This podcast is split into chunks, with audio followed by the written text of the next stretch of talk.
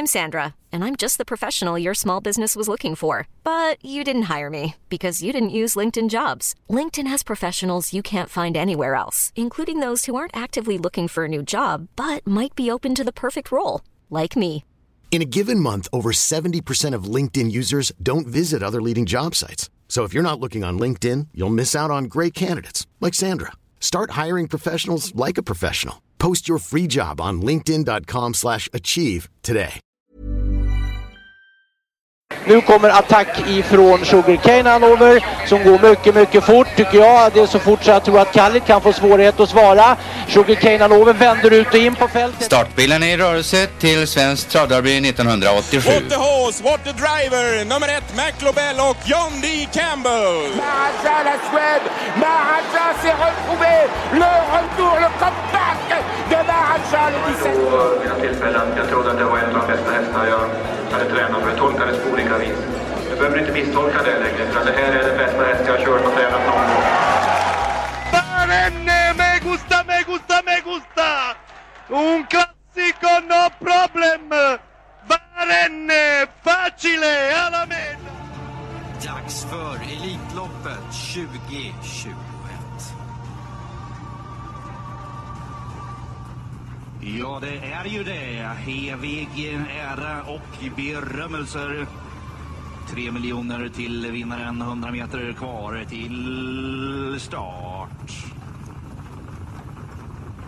De är iväg. Öppnar allra snabbast, gör ett Vivid Vaisas. Utan problem till ledningen före två Gelatiket, eh, tre Ecuride. Fyra Don Fanucci Zet följer som fjärde.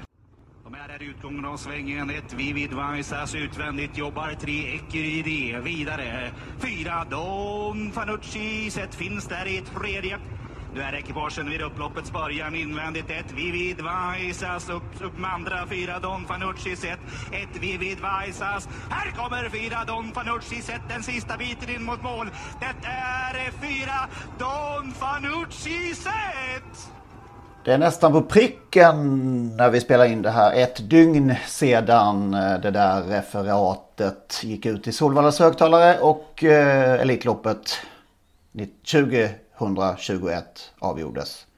Och det blev alltså Daniel Redén, Örjan Kihlström, Elinor Wennebring och Stall Sets Don Fanucci Zet som vann årets upplaga av Solvallas internationella elit- eh, Elitlopp.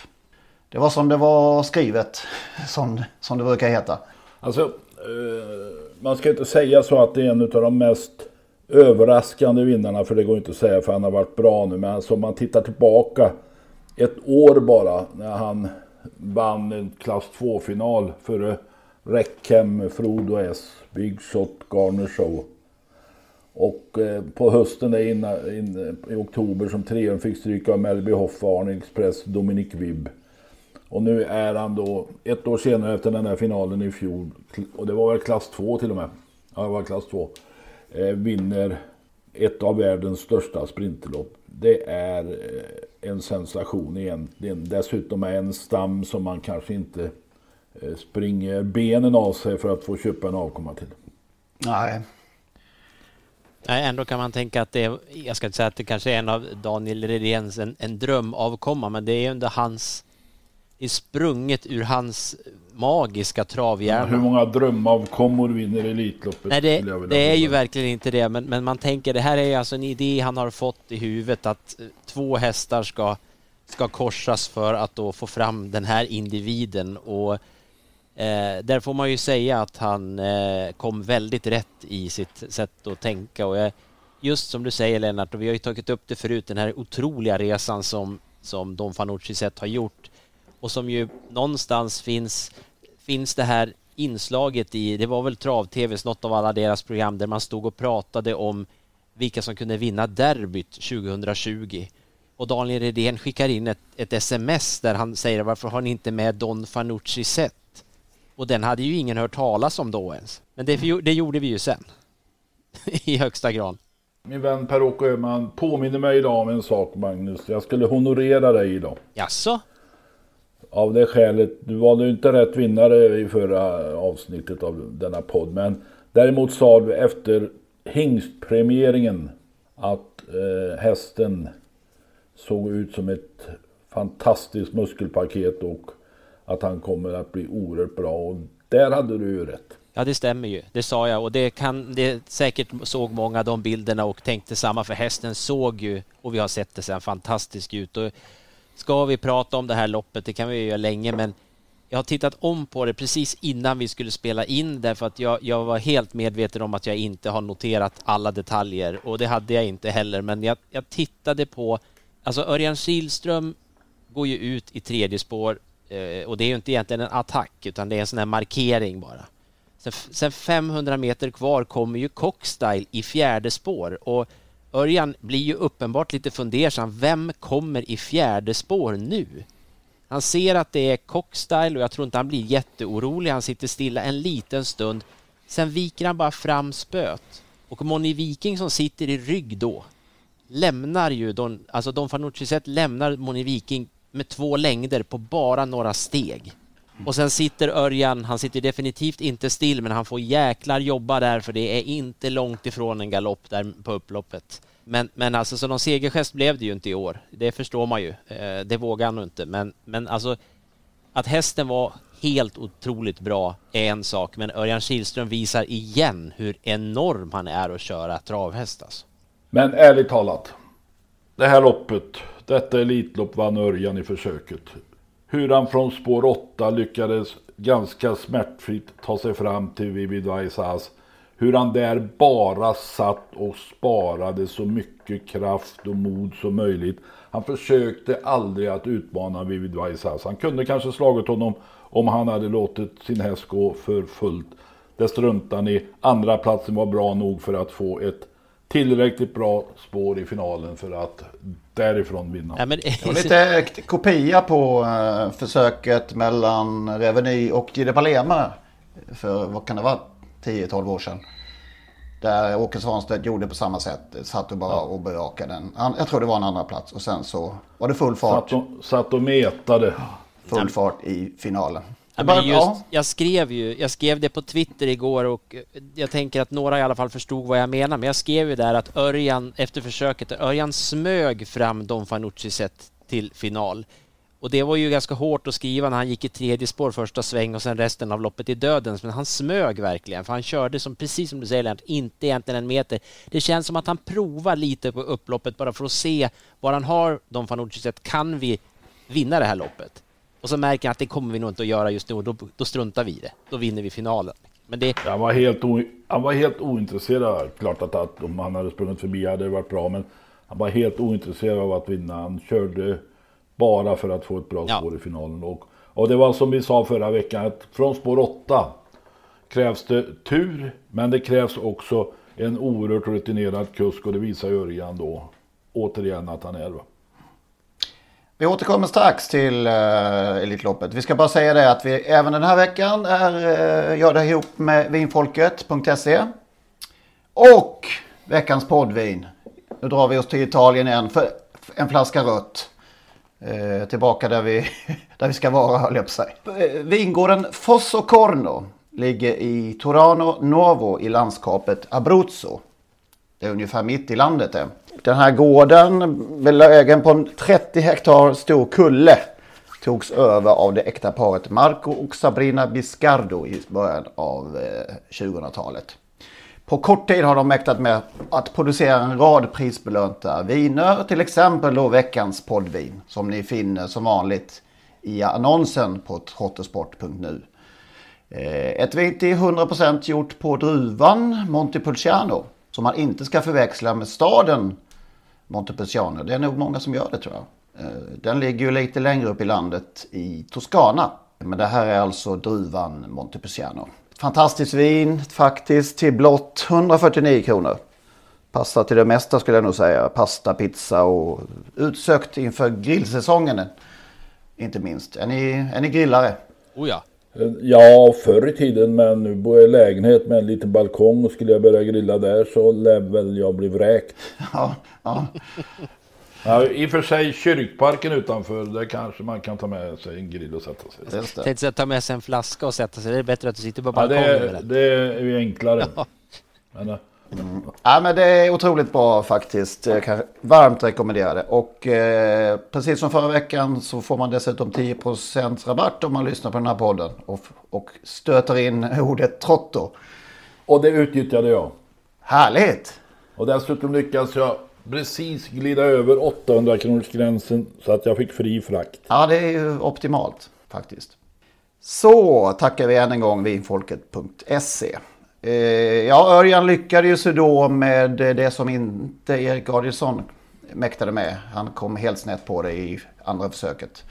Ja, och hästen var väl inte, inte sådär eh, reglerbar som Erik hade önskat i det läget. Nej, han sa ju det Erik och jag, jag vet att jag skrev det till Lennart, där, till dig där att, att det kändes som att Erik inte, ja, kanske inte riktigt fick till en styrning i det läge han borde ha fått. Men Erik förklarar ju efteråt att han inte fick stopp på hästen och det, det förklarar ju varför han bara kom, kom farande ut i tredje spår där. För det såg ju lite märkligt ut att det var ju lönlöst för det var ju absolut upptaget utvändigt ledan. Men Erik hade nog inget val, det var över liksom. Du fick rätt fast du var i din helgardering.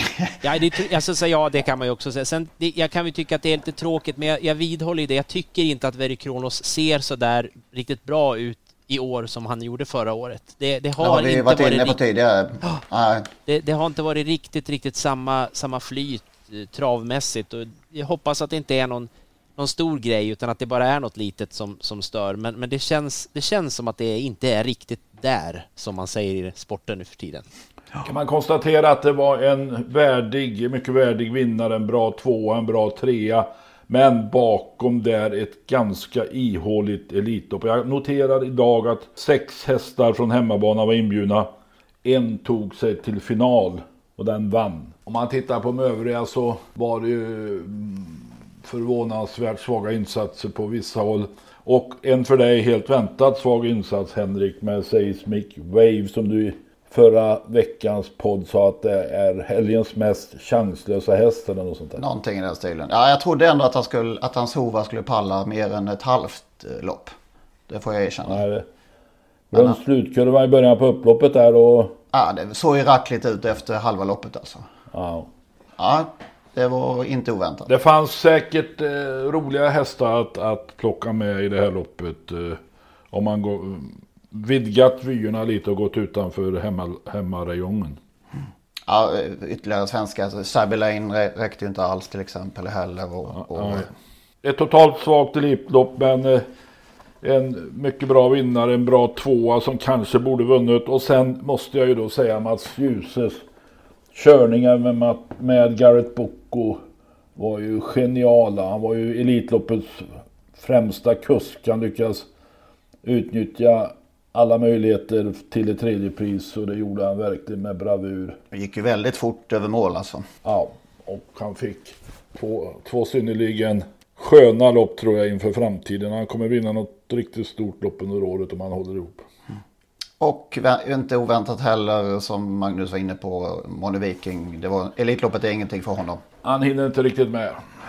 Han var ju gynnad av det fort. låga tempot i försöket där då han i alla fall kunde hänga med och han, han hängde ju med. men han hängde med, ska inte skoja om honom för det är en fin häst, men han hängde med bra i finalen också ända till, till Örjan gasade. Sen ska man säga att Moni Viking kommer tillbaka på upploppet också, gör ju ett helt okej okay lopp, men det, det är ju ingen sprinter.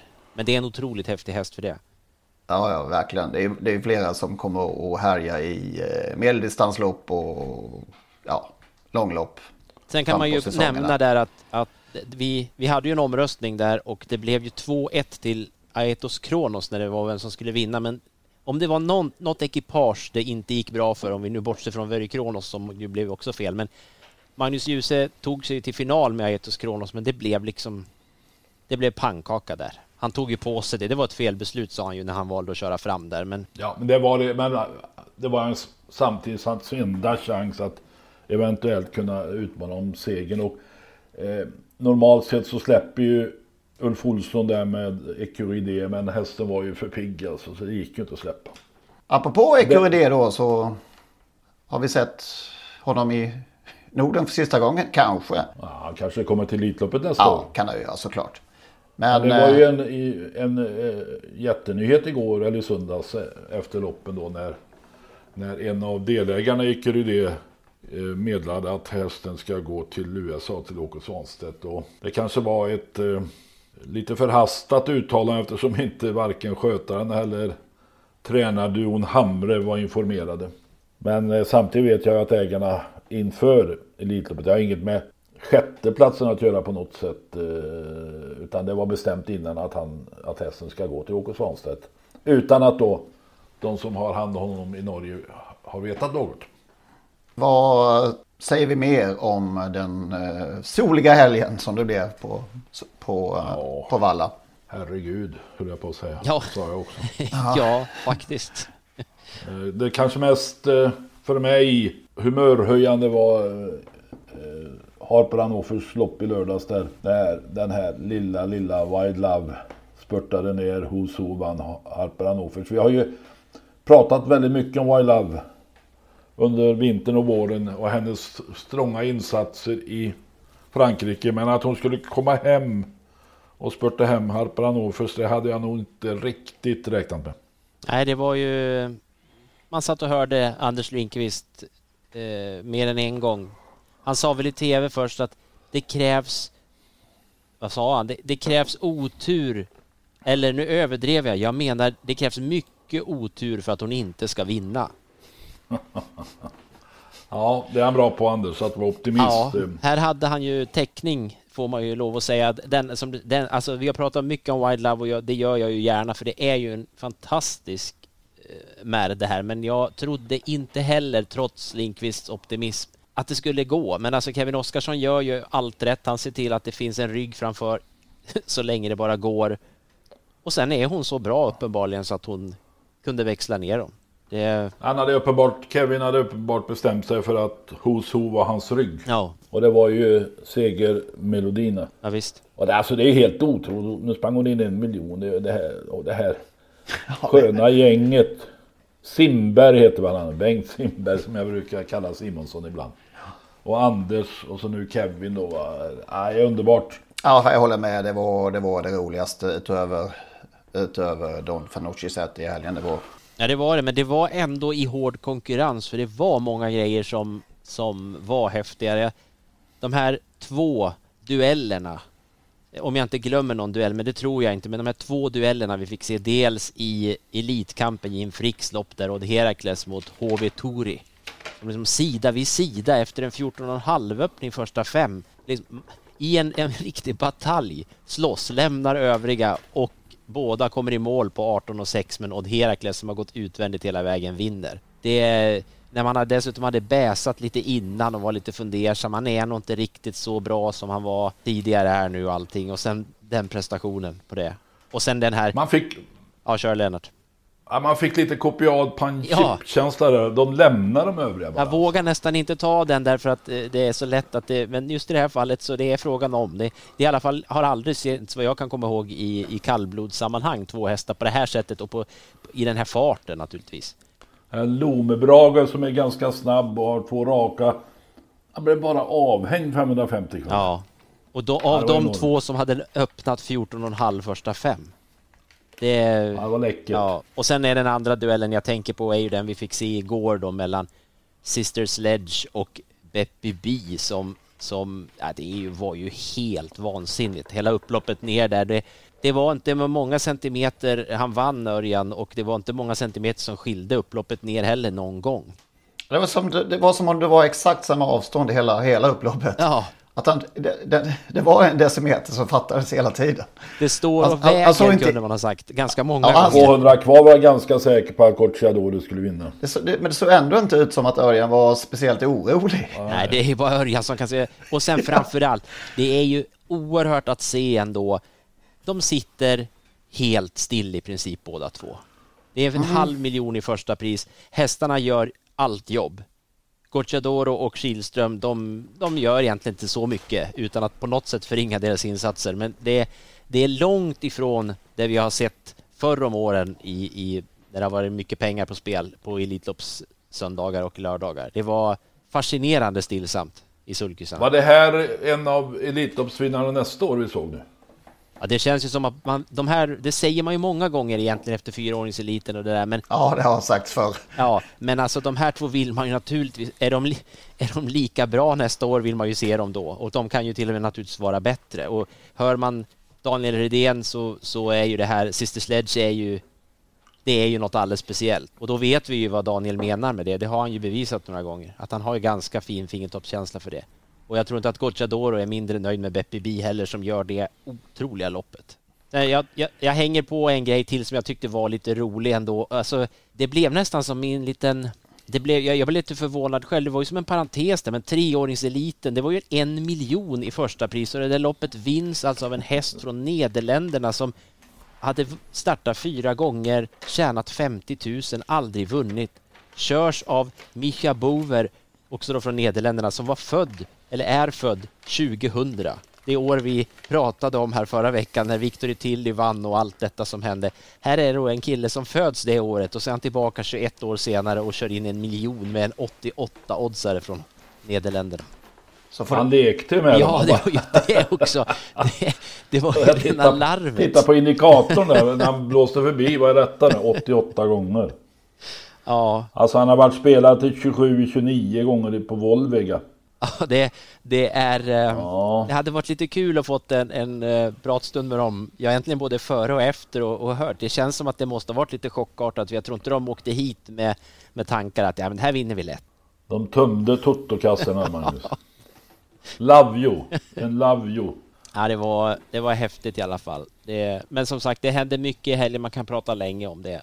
Men det här är det jag minns mest. Och sen de där åtta då som stod och skrek i 22, 23 lopp eller vad det var. Ja. Och sen Örjan Kihlström då, som alltså, jag vet inte vem det var som skrev det på Twitter där. När det var två lopp kvar på Solvalla så hade ju Örjan vunnit ett lopp under de här tre tävlingsdagarna. Och det var ju ett ganska skralt resultat med tanke på de hästar han hade kört dittills då, även om han har kört in eh, en halv miljon drygt, eller ja, mycket mer totalt sett. Men i alla fall, jag skrev det. Men vinner han de två sista loppen har han kört in mest av alla och så gjorde han ju det också. Så han, han ser ju till att vara längst fram när det gäller.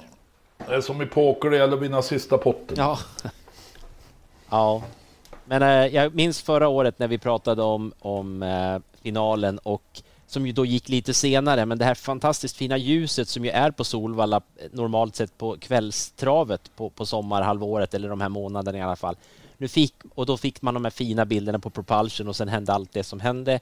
Nu fick man ta dem där igen förvisso någon timme tidigare då, men fortfarande med ett väldigt vackert ljus. Så det, det var märkligt att allt var så lika som det var 2020. Ska vi stänga Elitloppet för detta år? Ja, jag säger så här bara. Jag tänker inte säga någonting om domsluten. Nej. Det sa du nyss. Ja, men det blir det enda jag säger. ja, vi, alltså, jag ska inte säga någonting om domslut, men vi pratade faktiskt förra veckan om att vi får inte hamna i en situation där vi lindar in travsporten i bomull. Det måste få finnas utrymme för eh, lite törnar. Jag pratade med en god vän i lördags kväll om just detta. Han sa att det är förfärligt det som händer nu. Att, och han har varit med i hundra år ungefär. Att, att man måste ju ändå få acceptera att det blir någon, att de stöter ihop lite, att de eh, tar eh, ja, lite trängsel, lite trängsel kanske tränger varandra lite grann. Det kan ju inte vara millimeter rakt allting. Alltså. Nej, men det tyckte man ju att eh, den, den gode vännen då, han, han fick som han ville för man fick ju bryta ut bra många spår utan att det spelade någon roll. Så att... Men vi, jag ska inte säga något om domarna.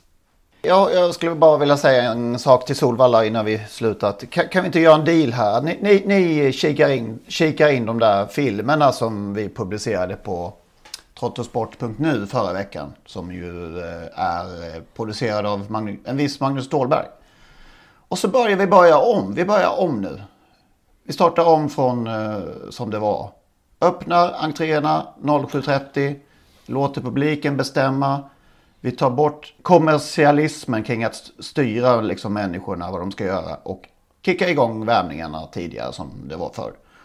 Första start eh, kan vi också ha lite tidigare. Och så et, återinför vi Elitloppssöndagen som det ska vara. För nästa år kommer det väl ändå att komma publik, det tror vi.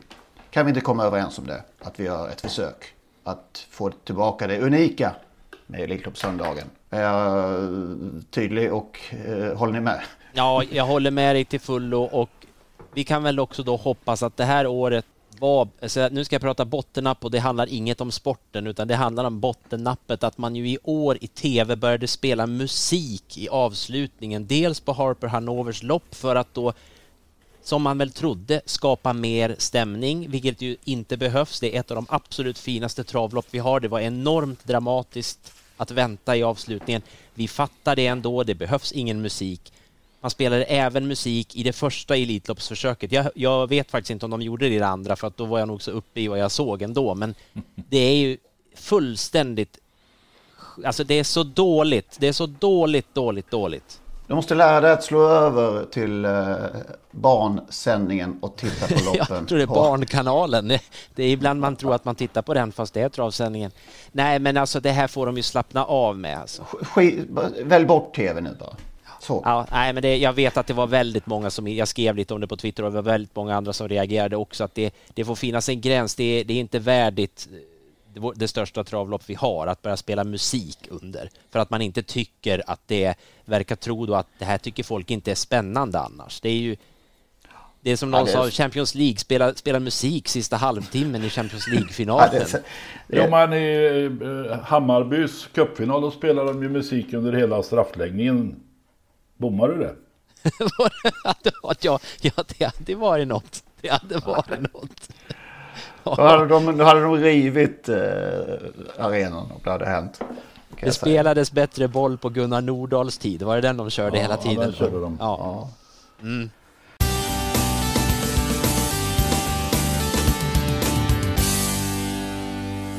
Jag hade svårt att eh, gå in i den här Elitloppshelgen med någon riktig glädje faktiskt. Eh, jag fick verkligen jobba mig in i den för att jag blev ganska illa berörd av eh, en sak som framkom att Timon Numros hade sagt i, jag tror såväl Travronden som i Aftonbladet och som hade skrivits av Mikael Karlsson, en frilansskribent, eh, om att eh, han minsann hade kollat upp Seismic Wave han hade kollat upp så att Seismic Wave vid importen från USA till Sverige inte var nervsnittad.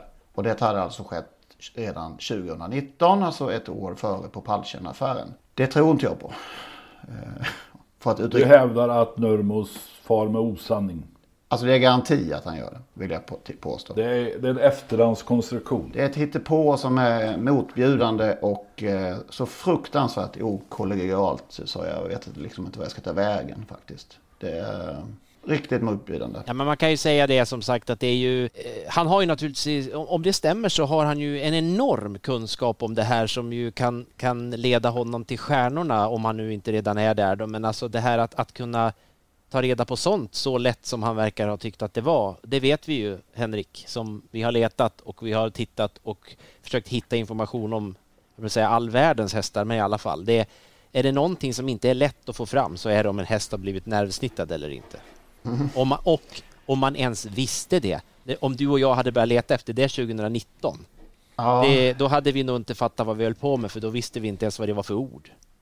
Nej, för det, ingen har hört talas, var det sedan 80-talet så, så, så, har det inte funnits i begrepp, begreppsvärlden i, i travsport. Så att eh, det är fascinerande.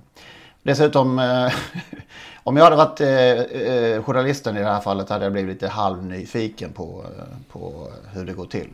Så en liten känga där till Mikael Karlsson kanske också är på sin plats. Eller han kanske ingår i, i laget så att säga. Ja, märkligt. Hela texten som du har skrivit, den finns ju på trottosport.nu. Det sa du säkert, men vi säger det igen. Att den, den, du har ju tyckt mycket och eh, det skriver jag gärna under på. Så att, eh, läs den där. Mm. Tillägga det att eh, det är väldigt känsligt, verkar väl mycket mer känsligt också än vad, än vad folk tycks tro det här med om de är nervsnittade eller inte. Jag hade kontakt med en eh, stor tränare i USA förra veckan som eh, vars häst uppgifter har figurerat ska vara nervsittad. Och han, eh, han gick fullkomligt bakut. Han blev jätteaggressiv och, och var har du fått de uppgifterna ifrån? Det är, det är bara ljug. De ljuger. De som har sagt det här till dig ljuger. Så det verkar, trots att det är lagligt i USA så verkar det ändå vara väldigt mycket hysch-hysch. Det är också fascinerande att det inte riktigt har framkommit att det är så. Nej, men även om det är lagligt så kan ju moraliskt eh, man eh, ta avstånd eh, från en sån tränare som ändå påverkar djurens välmående. Ja, visst. Eller må, mående. Så är det jag, jag tog hans aggressiva stil som ett likhetstecken på att det kanske, inte likhetstecken, men det är klar risk att det, att det fanns något där. Ja, nog om det.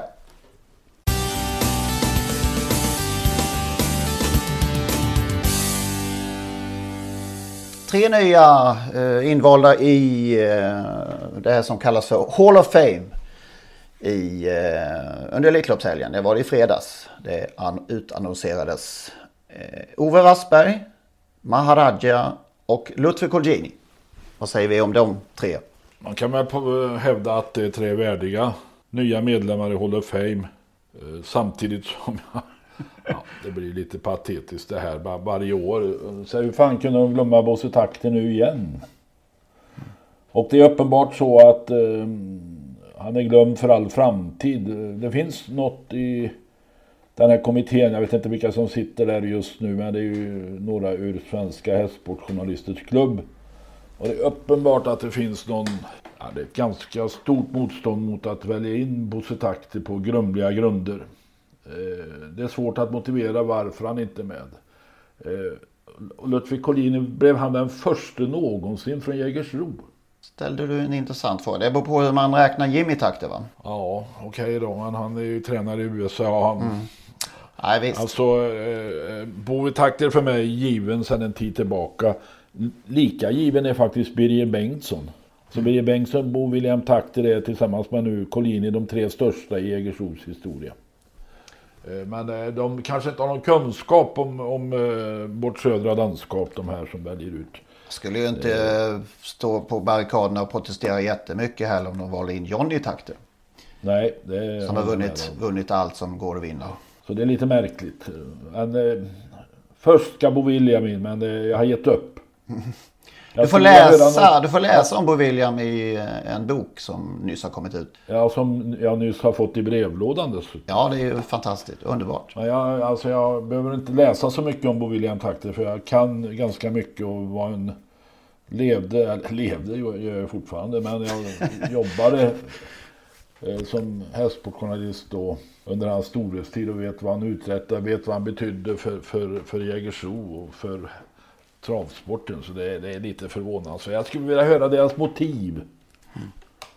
En gång sa någon att han aldrig vunnit något klassiskt lopp utav de här. Ja, och då, sa, då råkade jag säga Mikko Frippé vann ju trots allt derbyt. Ja, just det. Och sen Algot Scott som redan är invald sedan lång tid tillbaka. Han vann aldrig något klassiskt lopp. Han vann Åby Stora och han vann eh, Sankt Lödje med Nippon. Men det räknas väl kanske inte. Nej, det är någonting där som skaver mig. Maila in till podcast.autosport.gmail.com ni som sitter i kommittén och eh, motivera varför. Ja, vilka sitter? Är någon som vet vilka? Nej, vet vi inte heller. Knappt. Ja. Nej, men det, jag tänker eh, den här listan då av, av personer som är invalda, de har ju den här kommittén har ju ingen oerhört hög takt när det gäller att välja in namn heller och jag vet inte riktigt varför man håller så väldigt långsamt. Nu, nu valde man alltså in den enda svenska eh, aktiva då som valdes in här, om vi bortser från hästen, Maharaja då, så var det ju Ludde. Och i fjol var det två tränare, Erik Berglöf och Jim Frick, och det har varit två året innan, sen var det en, sen var det två. Jag vet inte riktigt hur, jag hoppas det här kommer säkert att finnas i många, många år, Hall of Fame, och det är väl bra att man är lite restriktiv, men samtidigt så, så eh, man kan ju öka takten lite och ta in något namn till per år så att det så himla stor skillnad är det ju inte på de här namnen de väljer ut. Alltså det är ju, nog finns det storheter att plocka av ett bra tag framöver utan att namnen ska och ta slut. Framförallt tycker jag att man ska göra det när de fortfarande är något sånär i livet. Ja, det är lite det som är min poäng. Man Men behöver SD inte vänta. kanske har för avsikt att lägga ner Hall of Fame om ett tag, precis som med Tusenklubben. Så att då... Ja, det får inte bli för lätt att bli med naturligtvis, för då är det ingen som bryr sig. Det kanske är så de Nej, tänker. men det kommer ju nya hela ja, tiden. Alltså det, travsporten tar ju aldrig slut och det är så många aktiva och det finns många uppfödare, tränare, hästägare, hästar. Alltså, så det, det finns ju ingen ände. Det är värre. jag sitter med i Hall of Fame i Skara. Det kommer det ta slut för det finns inte många som är värda till slut. Jag vet inte om man alltid ska lita på Wikipedia, men Wikipedia är ju trots allt numera och har varit länge en, en eh, bra källa och det, det, var ju ingen som valdes in 2009 och 2010 efter att man 2007 valde Sören Nordin och 2008 Stig och Johansson. har man två år där man inte valde in någon. Heller. Är det så? Ja, det är i alla fall luckor enligt Wikipedia, för sen 2011 då valde man in Bernt Lindstedt och 2012 Uno Sved. Sen dammade man till med sju namn 2013 för att komma ikapp då. Men sen har man gått ner lite i tempo igen då. Inte över pace kan man säga i, i Hall of Fame. Inväljningen. Han körde ett mellanvarv i lågt tempo. ja, det, vad är den här lunken vi pratar om? Vid en snabb avslutning då. Ja, precis. Östgötaloppet vann i alla fall Bo William takter eh, ett par gånger eh, i början av 80-talet tror jag det var. Eh, däremot är det ett av Jonnys missade lopp. Det grämer honom kan jag meddela också. Det står lite om, om det i boken också. Som man kan beställa på takterbiografi.se. Fick jag det sagt också. Men han måste kunna få någon ny chans. Ja, man tycker ju det. Nu när det här har gått ut också, budskapet om att han väldigt gärna vill vinna loppet, så borde ju... Hallå där ute. Ja. Takte vill vinna Östgötaloppet. Ge honom chansen. Ja. Redan på lördag kanske? Kan det bli någon kuskändring på, på, på, på, favoriten? Jag vet inte vem som blir favorit. Men, alltså ja. detta är ganska fantastiskt. Johnny Takter har inte vunnit Östgötaloppet. Det är hans hemmabana Mantorp där egentligen. Va? Visst. Jag tror, jag tror faktiskt att Rune Turesson, den lilla amatören och folkskolläraren från Arvika har vunnit det två gånger med sin läckra Francis Marie. En sån sak. Och året innan vann Björn Sandberg Åbytränaren med Donkeman. Det var 1974 och det var, tror jag, första gången, jag har sagt det här tidigare, jag säger det igen. Tror jag första gången jag hörde talas om att när Sandberg fick frågan efter loppet varför Donkeman var så bra då sa han att eh, jag tog av skorna. Går det för dig att bedöma här om 3.14 eh, var ett odds som berodde på att många visste om det här?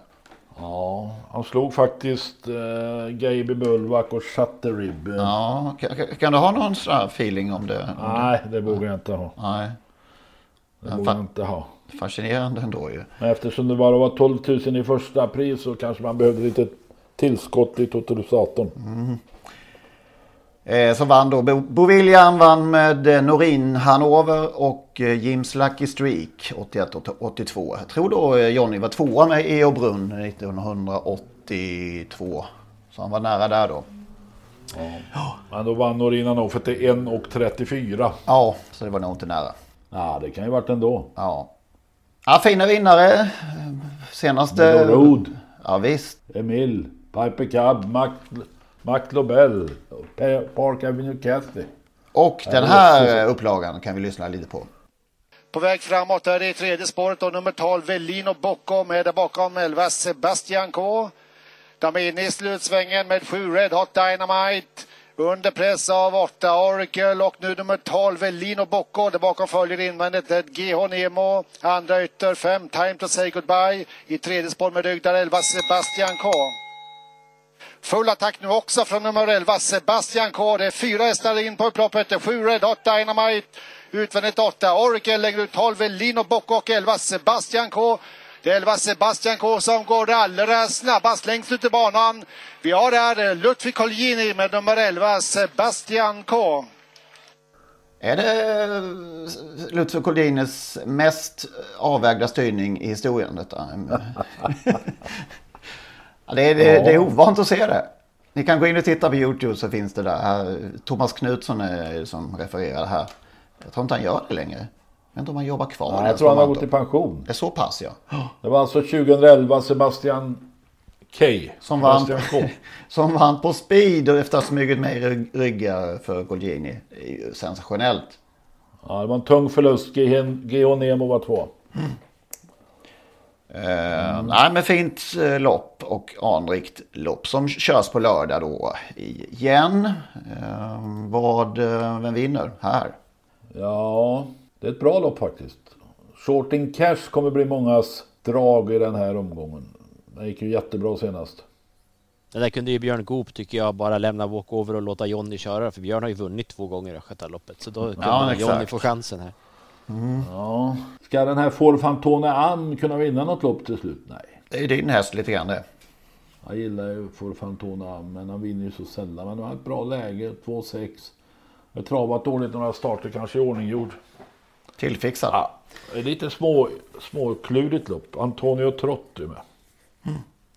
Och eh, Hanson Brad som var jättefin i dåligt mot, mot dåligt motstånd senast. Han hade ju hoppats att få vara med Östersund, Jämtlands stora pris. Men kräv, alltså det krävdes ju ett wildcard.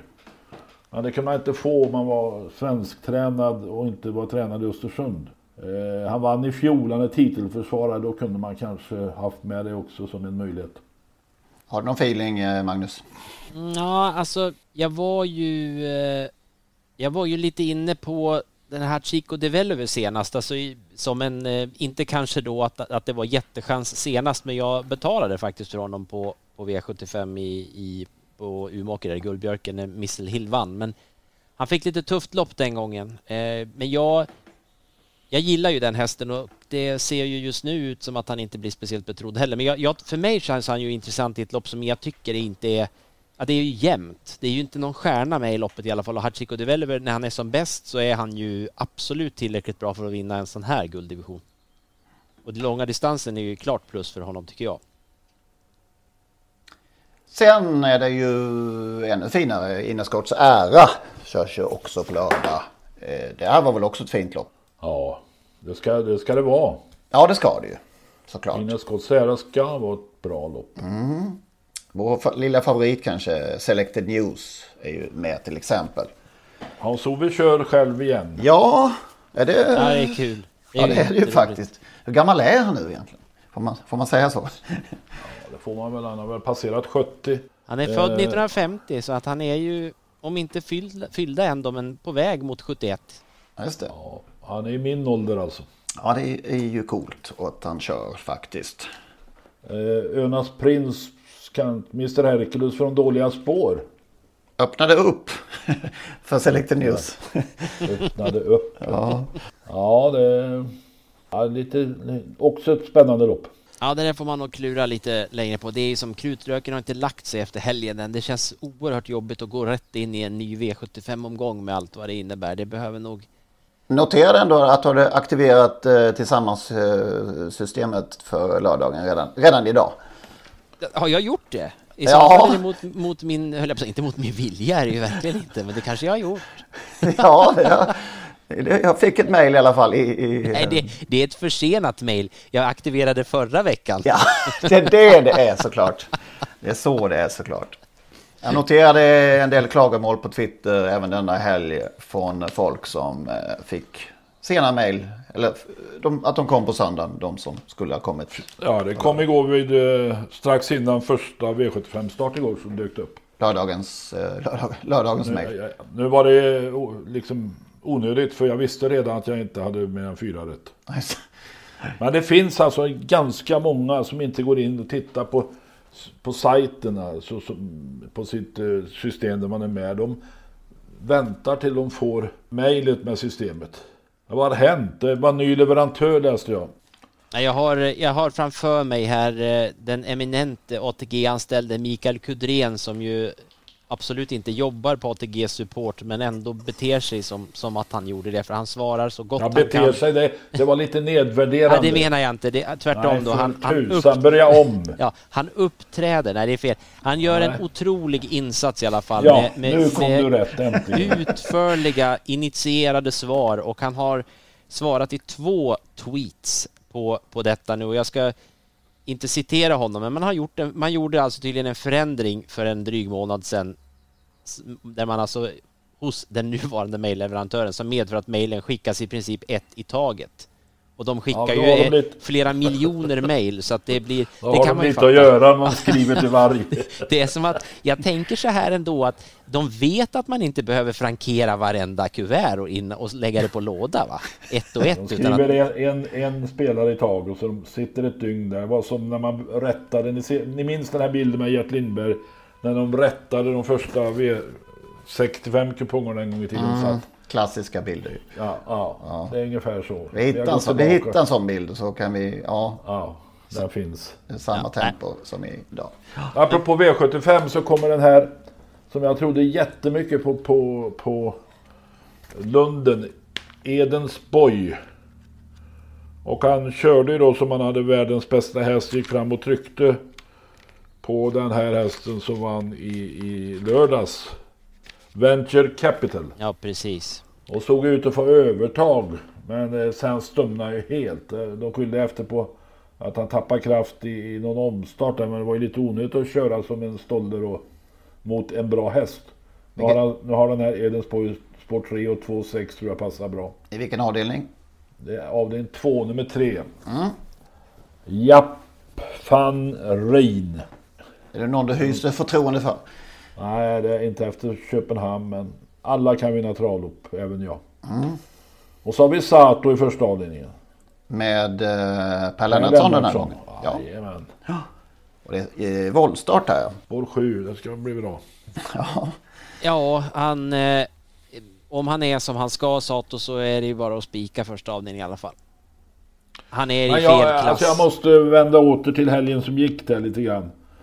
Eh, jag eh, måste honorera igen Magnus här som talar om att Jaguar Dream kan inte förlora. Och Där gjorde man en, en mästerlig felkalkyl när han Cablain var i princip chanslös. Jag ska också säga så här att det, det är ju inte alla som riktigt eh, hänger med på vad du säger, för det var ju så, även jag sa ju att Cablain skulle ha jättechans, men jag insåg, eh, och det var mycket handlade ju om det här som jag, vi för ju dialoger vi tre ibland på Twitter och diskuterar, man behöver ju bryta lite grann för att... Nej, själv- inte på Twitter för jag, jag, jag, jag deltar inte i travsnack på Twitter längre. Nej, vi är, nej, inte där, inte så nej, men vi, vi, kon, vi har ju våran, våran väg in. Nej, men Ja, hur som helst. e- e- vår egen kanal. Ja, precis.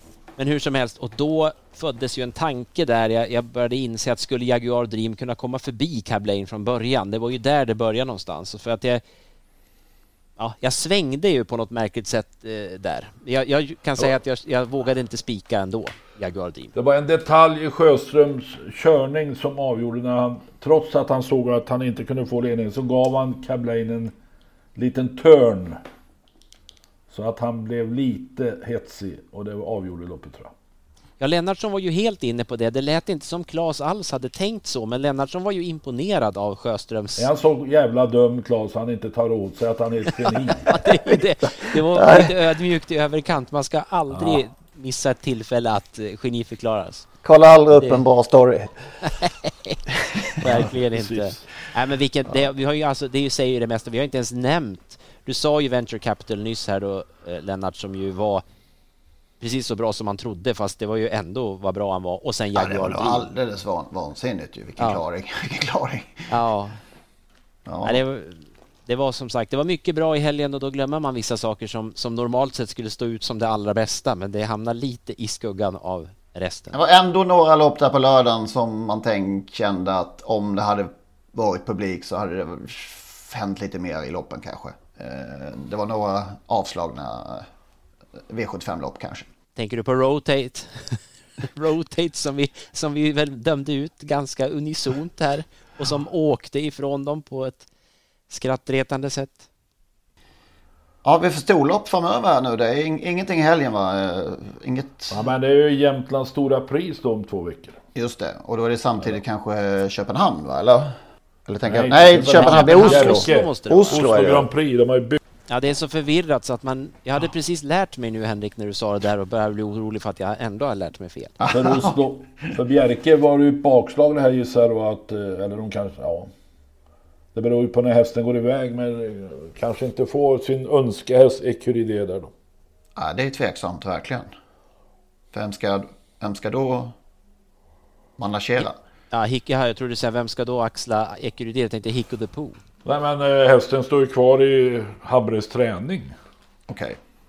Ska, men när den ska, jag pratade med delägaren eh, idag där nere och när, han, när hästen ska gå iväg var, visste de inte riktigt. Okej.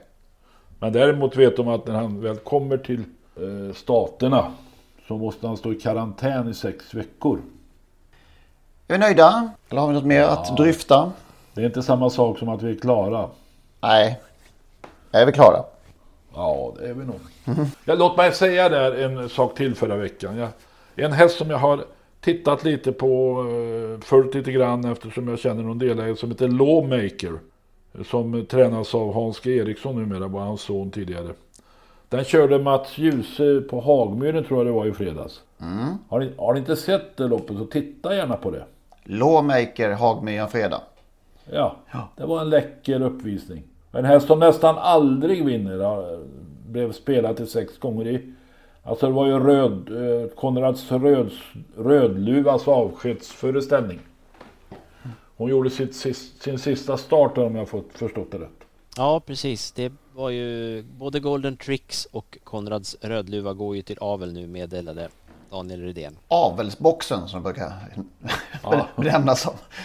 Nej, men hon markerade tydligt att hon ville, ville, Ville till boxen. ville till boxen. Ja men då tackar vi så hemskt mycket för den här veckan och, och eh, glöm inte att gå in på trottosport.nu och kolla in vår partner Vinfolket. eh, Veckans, Och din text för tusan. veckans poddvin. Ja men det kan ni läsa också. Den har blivit mycket delad eh, har jag sett. Så eh, det uppskattar vi. Så hörs vi om en vecka. Och så vann Hammarby och Chelsea får vi inte Nej, alltså, ja det var stort. Det var, det var vackert. Ja, du har inte sagt väl ett Andra- ord om det Henrik. Det, det tycker jag du kan få göra. andra titeln i, eh, på 120 år eller vad det är. Så att eh, man kämpar på emellan titlarna, så kan man säga. Ja, det var härligt. Du Fantastiskt. tycker inte att man ska lägga ner Svenska Cupen i alla fall? Verkligen inte. Nej. Tänk bara om man hade fått vara på plats. Det är det som smärtar. Vi hade varit 30 000 där, såklart. Ha det gott! Hej! Hej, hej! Hej då!